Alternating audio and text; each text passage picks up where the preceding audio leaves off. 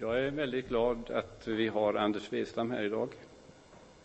Jag måste säga personligen också, man får väl vara lite personlig. För er som inte känner Anders så kan jag säga att han var ju eh, ungdomspastor och medarbetare i den här församlingen för 10-15 år sedan. Så det var en tid som jag faktiskt var föreståndare i den här församlingen. Jag minns, och jag vet att många minns den här tiden med stor glädje och tacksamhet, Anders. Så är det. Så den finns i mitt hjärta, mitt minne, som en stor, eh, en tid av glädje. Allt var inte enkelt, Anders, det var det ju inte. Vi fick gå igenom saker tillsammans. Men eh, tid av trofasthet, församlingen fick växa, helt underbart. Nu är Anders engagerad i en eh, församlingsplantering kan vi säga utifrån eh, Smyrna församling i Göteborg. I, I, östra Göteborg är denna plantering, i Partille kan vi säga, östra Göteborg, Partille. En kyrka för livet heter den här församlingen, tycker jag är väldigt fint. Önskar att ni kan få vara det. Och ni har en mötesplats i Mellby. Önskar att ni kan få vara en mötesplats för människor. Så är det. Och jag har följt med, du får komma, nu får du komma fram. Jag har följt med Anders i den här processen lite grann. Så, de vill inte kalla mig för mentor, men vi har haft samtal och det har varit eh, fantastiskt att få följa med i en sån process som du har varit i och de som är dina medarbetare. Att få bilda en, en ny församling, en församlingsplantering, som vi säger ligger på församlingarnas hjärtan i pingst. Och ni har varit en del av det. Och jag är väldigt tacksam att jag har fått dela det lite grann med dig. Eh, jag kan rekommendera er som inte är mentorer att vara mentor, för man får lära sig så oerhört mycket av dem som man är mentor för. Och det vill jag tacka dig för, Anders. Jag vill be för dig. Ja, får du gärna göra. Jag tackar dig för Anders, tackar dig för den församling som han är engagerad i. Jag ber att det ska få vara en kyrka för livet som berör livet hos de människor som kommer till den här mötesplatsen. Tack för att du har kallat Anders in i den här tjänsten. Låt honom få känna glädje i det arbetet, att han får uppleva att det blir en, en framgång för ditt rike. Nu tackar jag dig för att vi får ha Anders här idag och att han får vara instrumentet som ger en ton från himlen. Välsigna honom till det. Amen. Tack för böner. Det är inte underskatta. Jo då, du kan gott kalla dig mentor. Jag har ju faktiskt försökt att utnyttja IVA. Jag har inte varit så jättebra på det. Men eh, de stunderna vi har fått sitta ner och prata har varit väldigt värdefulla för mig. Få bolla mina tankar med en erfaren man. Jag tänkte vi inte skulle börja med Anders, utan jag tänkte vi skulle börja med Guds ord. Låter det bra? Gillar ni Bibeln? Jag gillar Bibeln. Jag tror att ni gillar Bibeln också. Utan Guds ord så hade ni inte haft den här gemenskapen. Eh, så jag tänkte vi skulle börja med att läsa eh, från eh, eh, Paulus andra brev till Korint. Och varför inte göra så? För att ära Guds ord och sätta det högt, att visa det med våra kroppar. Så vi kan väl stå upp tillsammans när vi läser bibelordet. Vi behöver inte införa det som liturgi i kyrkan här, men just idag så skulle vi kunna läsa Guds ord och visa aktning för ordet genom att ställa oss upp. Så gör man. När kungen kommer in så sitter man inte ner, utan då ställer vi oss upp. Och så läser vi i kapitel 12 i Andra Korinthierbrevet. De första tio verserna står det så här. Jag måste berömma mig, trots att det inte hjälper. Nu kommer jag till syner och uppenbarelser från Herren. Jag vet en man i Kristus som för 14 år sedan blev uppryckt ända till tredje himlen. Om det var i kroppen eller utanför kroppen vet jag inte, Gud vet det.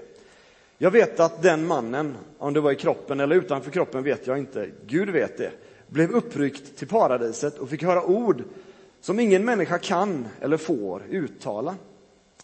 Den mannen vill jag berömma mig av. Men av mig själv vill jag inte berömma mig, utan av min svaghet. Om jag ville berömma mig så vore jag ändå ingen dåre. Jag skulle bara säga sanningen, men jag avstår för att ingen ska tänka högre om mig än man gör när man ser eller hör mig.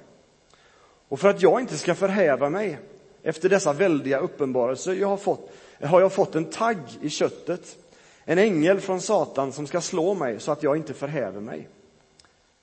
Tre gånger har jag bett Herren att den ska lämna mig, men han svarade mig, min nåd är nog för dig, för min kraft fullkomnas i svaghet.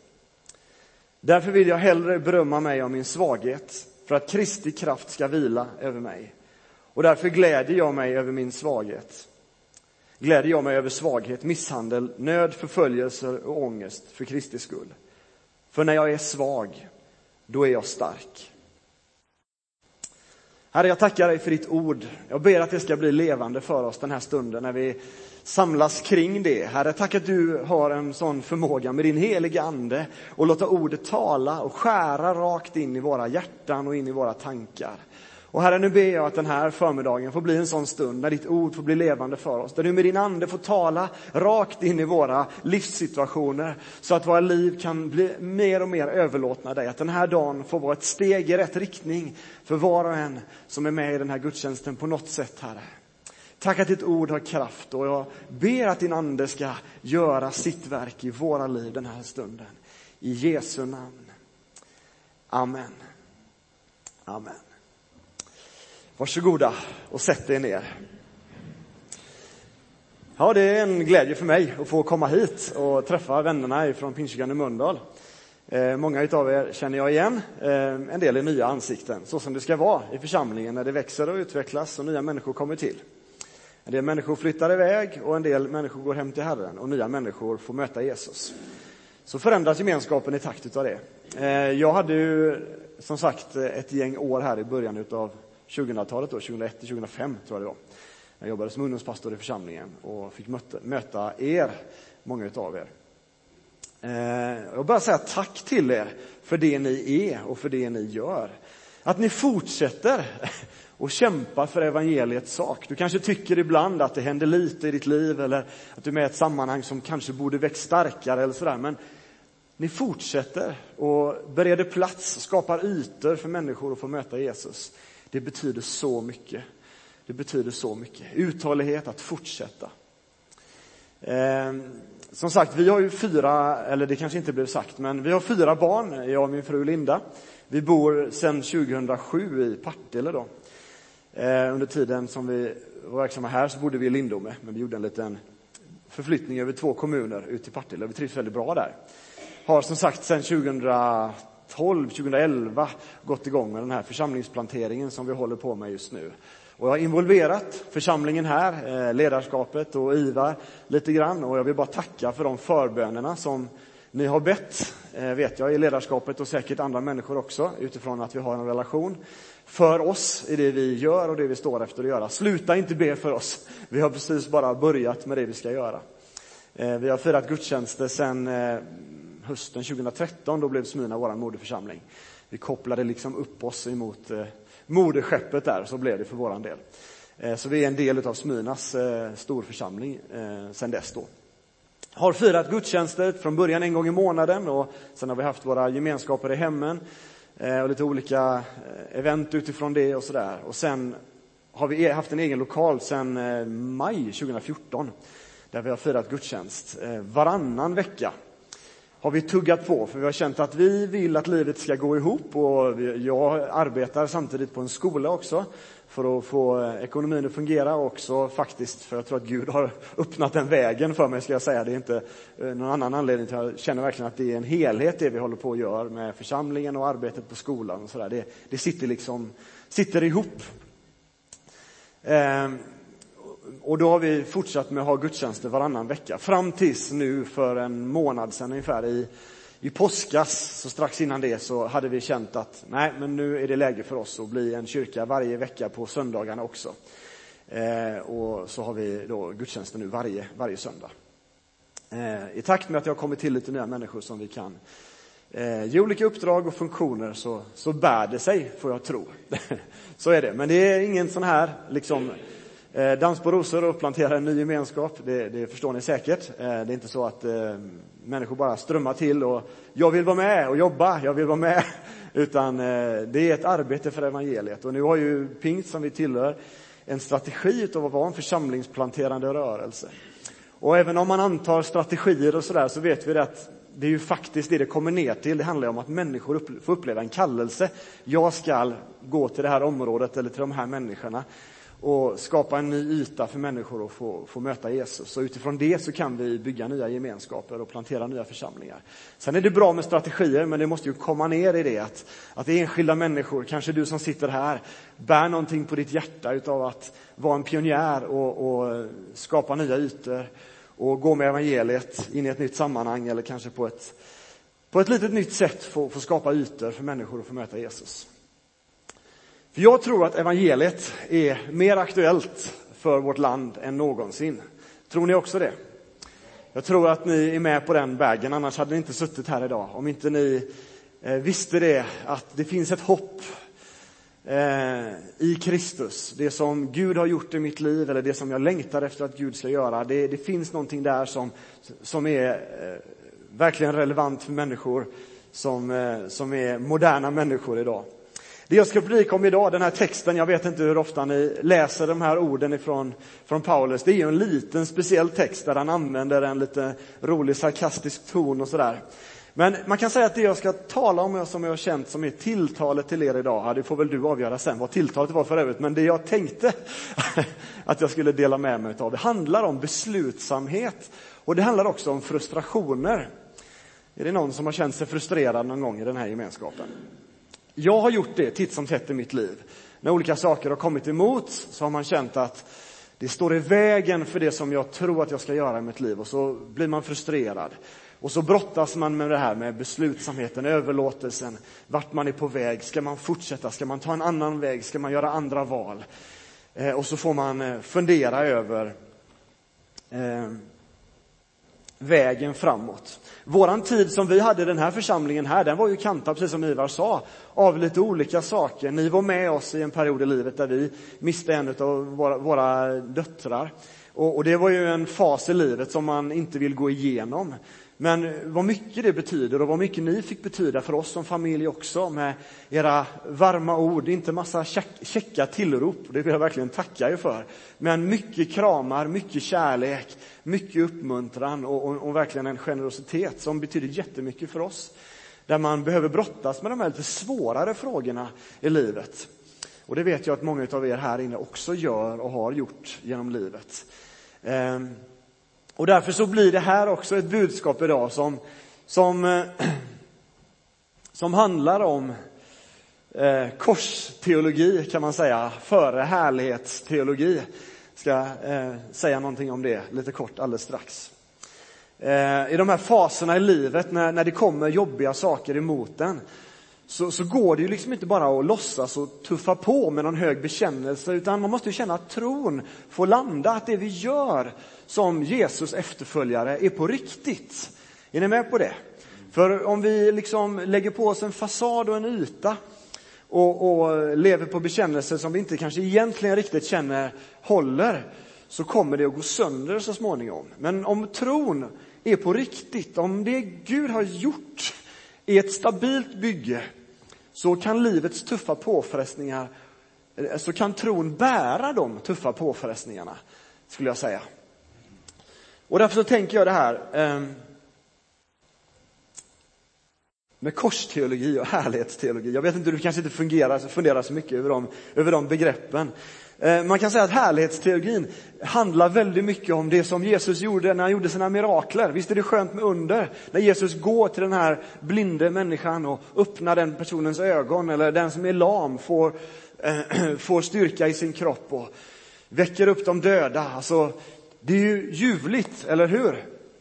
Eh, men den bilden utav livet med Jesus är ju bara halva evangeliet, eller hur? Man skulle kunna kalla den lite grann för Instagram-teologi kanske. Ni vet hur det ser ut i sociala medier. Va? Där visar man ju bara de här fina, glättiga sidorna, fina familjemiddagarna och liksom dejten med frun eller maken eller den man skulle vilja ha eller sådär. Det är ju det man visar upp på Instagram, eller hur? Inte de där månaderna när du känner att idag vill jag inte gå ur sängen. Ja, det finns ju en del som kanske har svårt att sortera var man ska lasta av sig sina bördor. Men det är en annan eh, undervisning, det tar vi, tar vi inte nu. Men den bilden är ju givetvis viktig. Jag tror på under och tecken, att Gud kan göra vad som helst när som helst. Eh, jag tror att han har all makt i himmelen och på jorden och därför är allting möjligt för Gud. Men jag tror också på ett fullt evangelium.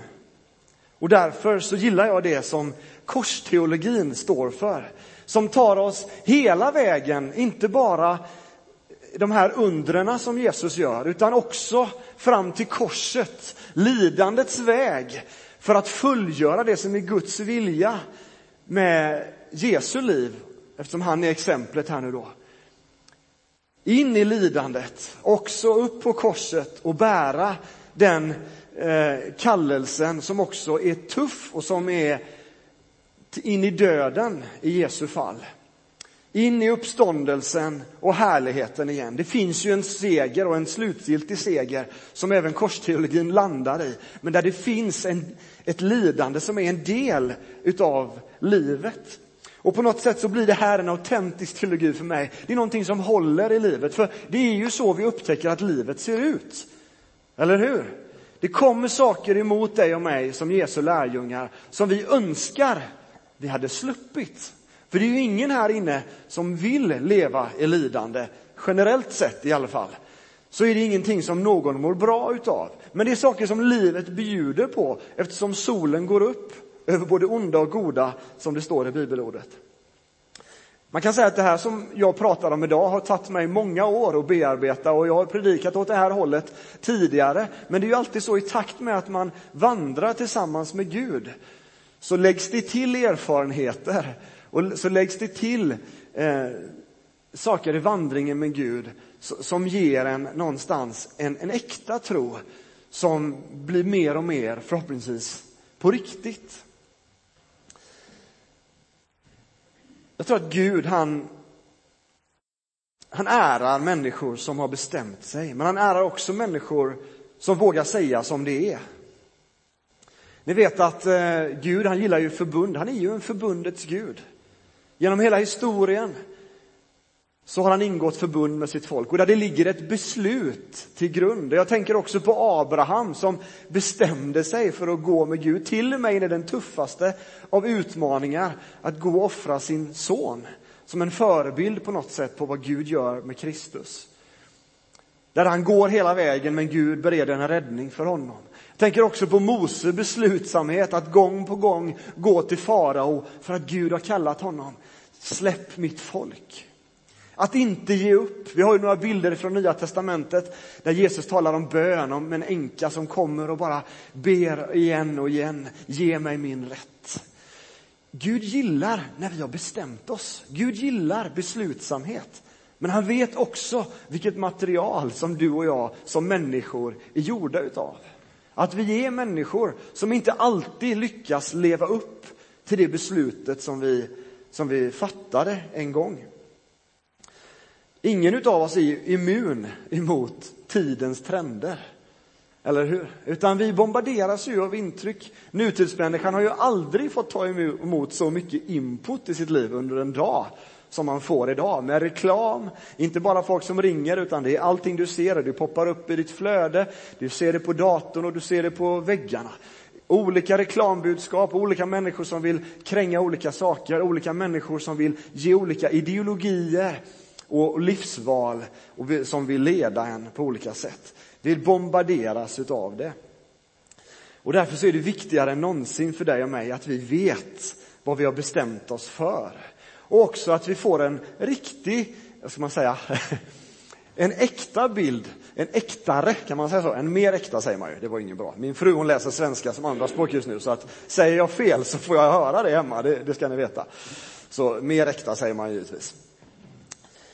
Tro som, som, som tar livet på allvar och som inte bara lever på några bekännelser som man inte riktigt vet vad det står för. Jag vet att den här gemenskapen som jag känner er som församling älskar inte klyschor, om man säger så, utan jag vet att ni gillar när någonting är på riktigt. Och det är någonting som jag tror är väldigt bra. Ehm, för jag tror att någonting som eh, nutidstrenden och den individualism som präglar hela vårt samhälle idag gör med oss, den vill få dig och mig till att någonstans eh, gå omvägar runt det som är jobbigt medicinera bort smärta, till och med i onödan. Jag säger inte att du inte ska medicinera, men att du ska tänka på att det är viktigt också att livet är en, lidandet är en del av vandringen tillsammans med Gud.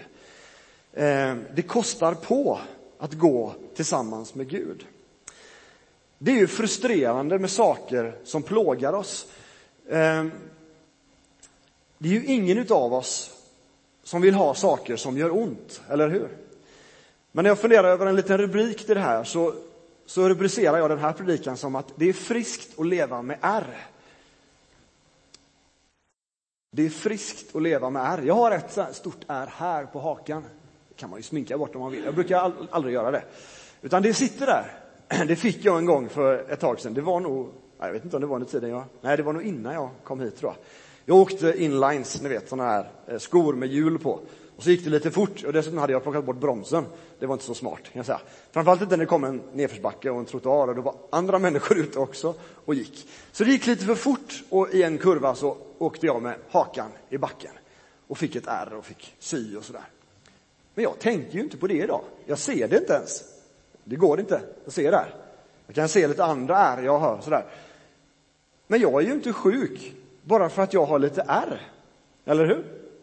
Det är ju inte sjukt att ha ett ärr. Utan det här har ju läkt.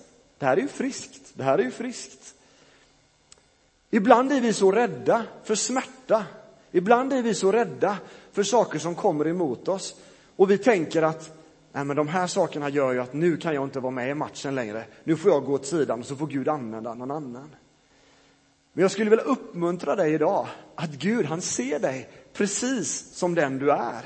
De sakerna du har gått igenom är ingenting som diskvalificerar dig för tjänst i Guds rike och för att han ska kunna använda dig. Utan just sån som du är vill Gud att du ska få vara använd av honom. Ingen annan har det livet som du har exakt. Ingen annan har det hjärtat som du har exakt. Utan Gud vill ta dig framåt och han vill använda dig utifrån den du är. Oavsett vad du har för saker som har märkt dig i livet. Vad du har för saker som har stukat dig kanske, eller gjort att du har påverkats i din personlighet, i din kropp, eller för vem du är. Men Gud han vill göra någonting i våra liv oavsett vad som har hänt oss. Det är klart att det är frustrerande med saker som gör ont. Det var inte roligt att slå i hakan. Det är inte så bara, ja, det gör ingenting. Jag kan bara hålla så här i några veckor så går det över. Utan man var ju tvungen att göra någonting för att det skulle bli bra. Eller hur? Tvätta rent och sådär. Det går inte bara att liksom sätta ett plåster över ett sår, utan det behövs göras rent. Och därför så är det viktigt hur du och jag hanterar smärta, saker som kommer emot oss och gör oss illa, ärrar oss eller sårar oss. Det är ju viktigt hur vi hanterar saker och ting. Att vi får gjort rent i våra liv så att det kan läka. För Gud, han är den som älskar att läka våra sår. Han älskar att förbinda oss när vi har slagit oss. Ja, men kunde inte Gud bara göra så att vi slapp att slå oss? Och det hade varit en bra idé. Det hade ju varit lite smart. Men det funkar ju inte så, eller hur? Tänk om det hade varit så att vi gick ut här på Mölndal och Mölndalsbro och på den fina torget som håller på att byggas upp och, så här, och sagt att kom och lämna ditt liv till Jesus. Du kommer aldrig mer ha några bekymmer. Du kommer aldrig mer vara sjuk. Du kommer aldrig mer drabbas av några motstånd och, och, och jobbigheter. Utan följ Jesus så blir livet grymt. Tror ni att någon skulle nappa? Ja, jag tror faktiskt att en och annan skulle nappa. Jag tror det. Men vad händer sen då? När livet bjuder på motstånd? Ja, då kanske man hänger på någon annan trend istället som erbjuder härliga löften och, och fina grejer. Liksom. Man får massa medgångssupporters. Och Guds rike är inte förtjänt av medgångssupporters, om vi nu pratar lite sportspråk. Gillar ni sport? För annars så förstår ni inte alls vad jag pratar om nu. Linnea hon skakar på huvudet. Jag vet att du förstår. Beslutsamhet ligger till grund för vår överlåtelse till Kristus. Och vi kan inte gå ut med någon falsk marknadsföring och säga följ Jesus så slipper du bekymmer. Men det är all skillnad att gå igenom livet med Gud eller utan Gud. För det är i smärtan som Gud vill bära oss. Det är när saker händer oss som jag har behövt Gud som allra mest. När jag har fått ställa raka, ärliga frågor till Gud, hur kan det här hänga ihop? Och så får man läsa Bibeln och dra sig närmare ljuskällan istället för bort från källan. Det är, ibland är det ju tyvärr så vi gör som människor när någonting är jobbigt som kommer emot oss. Så, så vänder vi Gud ryggen. När han har sagt att han är ljus så ska vi givetvis gå till källan för att få se bättre. Och i de stunderna i livet där jag har fått nåden att vända mig till Gud när det har varit jobbigt, så har Gud också visat en väg framåt som håller. Där han förklarar sin kärlek lite starkare till mig så att man kan ta några steg till vidare tillsammans med honom. Paulus han var frustrerad. Han var med om ett och annat som var motgångar, eller hur? Eh, jag vet inte hur väl bekant du är med Paulus, men han har ju skrivit större delen av Nya Testamentet. Så ett och annat gjorde han förmodligen som gjorde honom värdig att sätta sin stämpel även på våra liv utifrån det som var hans undervisning. Den här texten som vi inledde med att läsa ifrån tolfte kapitlet, där berömmer han sig först på dårars vis lite grann. Så säger han att nej men det är ingen idé att jag gör det och jag har ju faktiskt till och med, ja vi kan ju bara citera det igen där. Ehm, för att jag inte ska förhäva mig i vers 7 efter dessa väldiga uppenbarelser så har jag fått en tagg i köttet. Och där hänvisar han till ett gammaltestamentligt språk som talar om fiender som kommer emot oss. Det kallar Israels folk, det benämns i tredje Moseboken och även profeterna nämner det som en tagg när fiender kommer emot oss. Ehm, för att jag inte ska förhäva mig så har jag fått en tagg i köttet, en ängel från Satan som ska slå mig så att jag inte förhäver mig. Tre gånger har jag bett Herren att den ska lämna mig. Tre gånger har jag bett Herren att den ska lämna mig. Tre gånger. Har du någonting i ditt liv som du har bett Gud om flera gånger? Eller får du alltid bönesvar på första gången? Är det någon som har bett mer än tre gånger? Jag tror det. Ja, några ärliga människor. Jag har bett betydligt fler, jag har bett massa gånger och jag ber fortfarande för saker som jag vill att Gud ska få svara mig på bön kring. Men Paulus han säger tre gånger har jag bett till Gud. Det som är spännande med att han säger tre gånger, det var förmodligen att tre gånger var för att han bad tre gånger. Men sen hände det förmodligen någonting. Och det är det som den här texten har lite grann och kanske också att lära oss. För Paulus han bad med öronen öppna. Det är okej okay att blunda för då släpper man intrycken runt omkring sig när man ber. Man kan titta också, det är helt okej. Okay. Men det är viktigare än något annat att be med öronen öppna. Jag kan tänka mig Paulus, han kom till Gud och sa Gud, hjälp mig ta bort den här saken. Jag har ju bett dig om förlåtelse, kanske han sa första gången han, han kom till Gud och ville att han skulle ta bort den där taggen, det som plågade honom, det som uppenbart var hans fiende i livet, som var emot honom. Jag gör ju allt för dig, sa han till Gud kanske. Jag har ju bett om förlåtelse, ni vet Paulus hade ju förföljt de kristna. Han kanske kände att det kanske är där. Nej men det borde ju vara förlåtet Gud. Men Gud säger ingenting. Så Paulus får be igen. Och så knäpper han sina händer eller faller ner på sina knä och så säger han igen. Gud, jag är plågad. Det här är ett hinder för mig i min tjänst för dig, Gud. Ta bort det. Det borde inte vara där. Det hindrar mig. Hur möter Gud honom andra gången? Ja, vi vet inte. Men fortfarande förmodligen tystnad. För han behöver be en gång till. Och så ber han igen. Kanske gör mig fri nu Jesus. Jag vill bli fri från det här. Jag kan ju inte fullgöra min tjänst. Eller kan jag det? Och då kommer Guds tilltal till Paulus. Min nåd är dig nog. Så hör han ordet ifrån Gud in i sitt liv. Min nåd är dig nog. Och det här tilltalet in i Paulus liv, när han hade bett tredje gången, gjorde att han inte behövde be någon mer gång att Gud skulle ta bort den saken. För han visste att det här är en del av det jag ska bära. Ja, jag, han kallar det till och med för en gåva. Han kallar det till och med för en gåva. Hur ser du och jag på de sakerna som Gud har låtit oss gå igenom?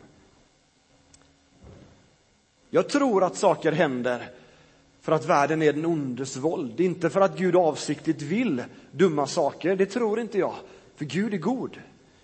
Men jag tror att saker händer som vi måste förhålla oss till på något sätt. Och där gör Guds ord all skillnad, i alla fall i Paulus liv. Och det har hänt även i mitt liv att Gud har fått tala in i situationer där omständigheterna fortfarande kanske är jobbiga, men man har fått ett ord ifrån Gud. Känner du igen det? Ett ord som talar in i ditt liv. Och då känner du, men jag orkar fortsätta, för Gud har pratat med mig och då vet jag vart jag ska. Då kan jag gå lite till.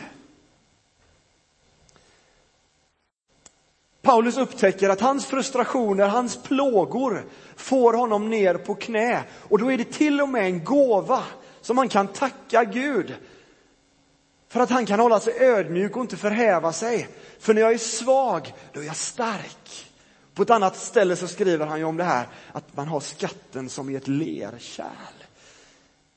För vi vet det att Gud får svårare att använda stolta människor eller hur? För då syns inte Gud, då blir det bara vi människor som får äran. Men Gud han delar inte sin ära med någon, utan han ensam vill ha äran för det som händer runt omkring våra liv. Och då måste vi se att Gud är en god Gud. Vet du inte det, att Gud är god? Så behöver du brottas lite med din gudsbild. Du behöver prata med Gud. Men Gud, hur kan det här hända? Så behöver du läsa i Bibeln. Och så får Gud hjälpa dig att få ihop din teologi. Så du ser att Gud, han vill ditt goda. Han är alltigenom god. Himlaljusens fader, hos vilken inget mörker är, står det. Gud är ljus. Guds härlighet kan få vara större än det som du och jag blir frustrerade utav. Än det som vi normalt kanske tänker att det här hindrar mig. Gud kan ta det och använda det till sin fördel. På ett annat ställe så skriver ju Paulus lite tidigare i andra Korinthierbrevet att vi vandrar i tro utan att se.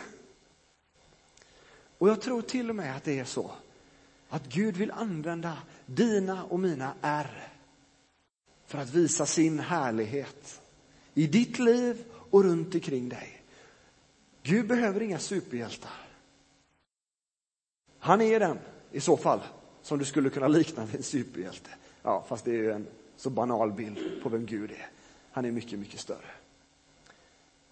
Men du och jag kan få lägga våra liv mitt i våra frustrerade situationer och mitt i de sakerna vi känner, det här borde ju vara ett hinder. Så kan Gud ta det och säga det på samma sätt ungefär som han sa till Paulus. Jag vet inte exakt vad han säger till dig, men min nåd är dig nog.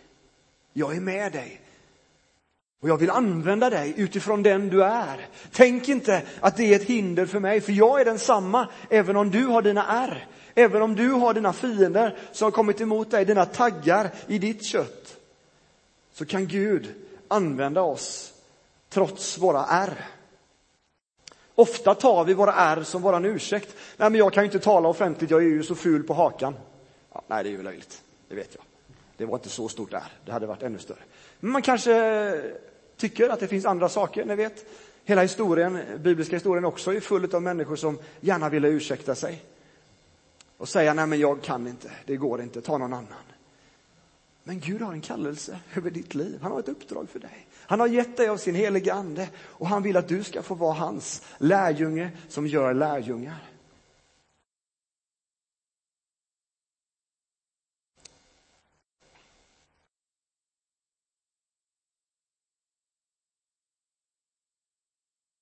Hörde en, eh, en, eh, en av lärarna på Örby Missionsskola som heter Per-Axel Sverker, han sa så här vid ett tillfälle när vi pratade om det här med korsteologi. Han sa att Gud låter oss leva under korset för att vi ska bygga vårt liv på korset. Vad är ditt kors? Vad är det du bär med dig? Utav lidande, utav fiender kanske, utav frustrationer som du tänker, ja men jag är ursäktad nu eller jag, Gud vet så att han använder någon annan. Nej, Gud vet och han vill använda dig. Dina frustrationer och dina saker som har drabbat dig kan driva dig till att bli mer och mer beroende utav Guds kraft, utav Kristi kraft. Det som finns där att hämta vid hans kors. För, för Gud han älskar att svara på våra böner. Ja, men jag har bett så många gånger, men Gud älskar och svara på våra böner. Han vet vad du och jag behöver. Hans perspektiv är ju lite annorlunda än ditt och, mätt, ditt och mitt, eller hur? Han ser på våra liv ur en liten annan vinkel. Och du kan få lita på att han har de bästa tankarna för dig och mig. Jag tänker på Jesu uppståndelsekropp. Jag menar, då är han ändå förhärligad. Men vet ni vad? Ärren syntes, eller hur? Thomas fick känna på såren, hålen. Alltså hans, även hans härlighetskropp var märkt av ärr. Och jag tänker så kring ditt och mitt liv också, där vi har varit med om både det ena och det andra. Att Guds härlighet kan vila över dig, oavsett vad du har varit med om. Vilka mörker och djup du än har gått igenom, så vill han låta sin härlighet vila över dig. För Gud är den som är Gud. Han är den som är större än alla dina, dina och mina omständigheter. Och jag ber att ett tilltal ska få drabba ditt hjärta. Du som känner idag att du kanske har ställt dig lite vid sidan av det som egentligen är din kallelse och ditt uppdrag. Och att du kan få kliva in igen i det som är Guds plan genom att säga Herre, du kanske vill använda mig utifrån de här sakerna jag har varit med om. Så kanske du har lite tankar och ge mig just nu, för jag behöver det. Så vill han gjuta mod in i dig så att du kan ställa dig till hans förfogande igen och säga Herre, här är jag, sänd mig en gång till. Ni vet det här begreppet som man brukar använda när man pratar om det som vi får ha men ändå inte ha. Redan nu men ännu inte, talar man om som ett teologiskt begrepp. Att, att Guds härlighet finns här men den är ännu inte fullständigt uppenbara. Det kommer en dag med total upprättelse. Men Guds nåd är nog för ditt och mitt liv, det kan jag garantera dig. Vad du än har varit med om. Jag vet inte med dig, men när tackade du Gud för dina svagheter? Senast, eller har du någonsin gjort det? Jag vet inte. Ja, vi behöver inte tacka Gud för, för fiender, eller vi behöver inte tacka Gud för lidanden. Men vi kan ju tacka Gud för att han finns med oss mitt i det tuffa, eller hur? Och så kommer han ge oss nåd att ta nya kliv tillsammans med honom. För jag tror faktiskt att det är friskt att leva även om vi är ärrade. Och Gud han älskar att använda människor som är brustna. Jag tänker att Gud vill elda på i ditt och mitt hjärta utav beslutsamhet. Nej men Jesus, jag vill minsann kliva på den där vägen igen som du har kallat mig till. Om dina frustrationer, om dina fiender har blivit en ursäkt för dig att säga någon annan får göra det, så säger den helige ande, tror jag, till dig just nu. Det är dig jag har kallat. Det är dig jag vill ha med i båten på resan tillsammans med mig. Så får vi ta nya steg. Ni vet, hela det kristna livet, det går ut på att börja om igen. Så är det ju, eller hur? Vi behöver leva i det här med att omvända oss och börja om, ta nya tag tillsammans med Jesus. Den dagen vi inte börjar om, då har oftast fienden vunnit, för då har vi gett upp. Men Gud vill lägga en ny beslutsamhet, tror jag, i ditt hjärta den här stunden. Han vill verka i ditt hjärta så att du bestämmer dig igen. Jesus, ge mig kraft då och fullgöra det som du har kallat mig till. Och så får vi lägga våra ursäkter bakom oss och så får vi kliva in i det som är Guds kallelse med våra liv. Ska vi landa i det och så ber vi tillsammans. Tack Jesus för det som är din, ett verk av din heliga ande i våra liv. Herre, tack att du vet allting som vi är med om i våra liv. Du känner varenda människa som lyssnar på den här undervisningen eh, i den här gudstjänsten eller i efterhand, Herre. Jag tackar dig för att du är där med din heliga Ande och är så där personlig som du är och talar in i våra liv. Herre, du vet vad vi säger och vad vi har bett dig om, kanske fler än tre gånger. Och nu ber jag Gud att vi ska be igen med öronen öppna. Så vi kan höra vad du säger till oss och hur du vill ge oss kraft och gå framåt. Hur du vill hjälpa oss att ta nya tag som dina barn som bara får klänga oss fast vid din hals. Tack att du är en god pappa som älskar dina barn. Tack att du vill verka i våra liv med din heliga ande just nu. Herre, vi tackar dig för din godhet och vi tackar dig för din nåd. Jag tackar dig för den här församlingen. Jag tackar dig för det den har fått betyda för mig och för min familj. Herre, jag vill be att du skulle elda på en gång till i våra hjärtan så vi kan fatta nya beslut, Herre, om att följa dig, om att gå med dig, om att tjäna dig. Att inte ursäkta oss, Herre, utan att säga Jesus, jag vill vara med. Jag vill göra det som du har utrustat mig till. En gång till. Tack för din heliga Ande som verkar i våra liv när vi överlåter oss åt dig. I Jesu namn. Tack Fader. Amen. Amen. Tack Herre. Tack.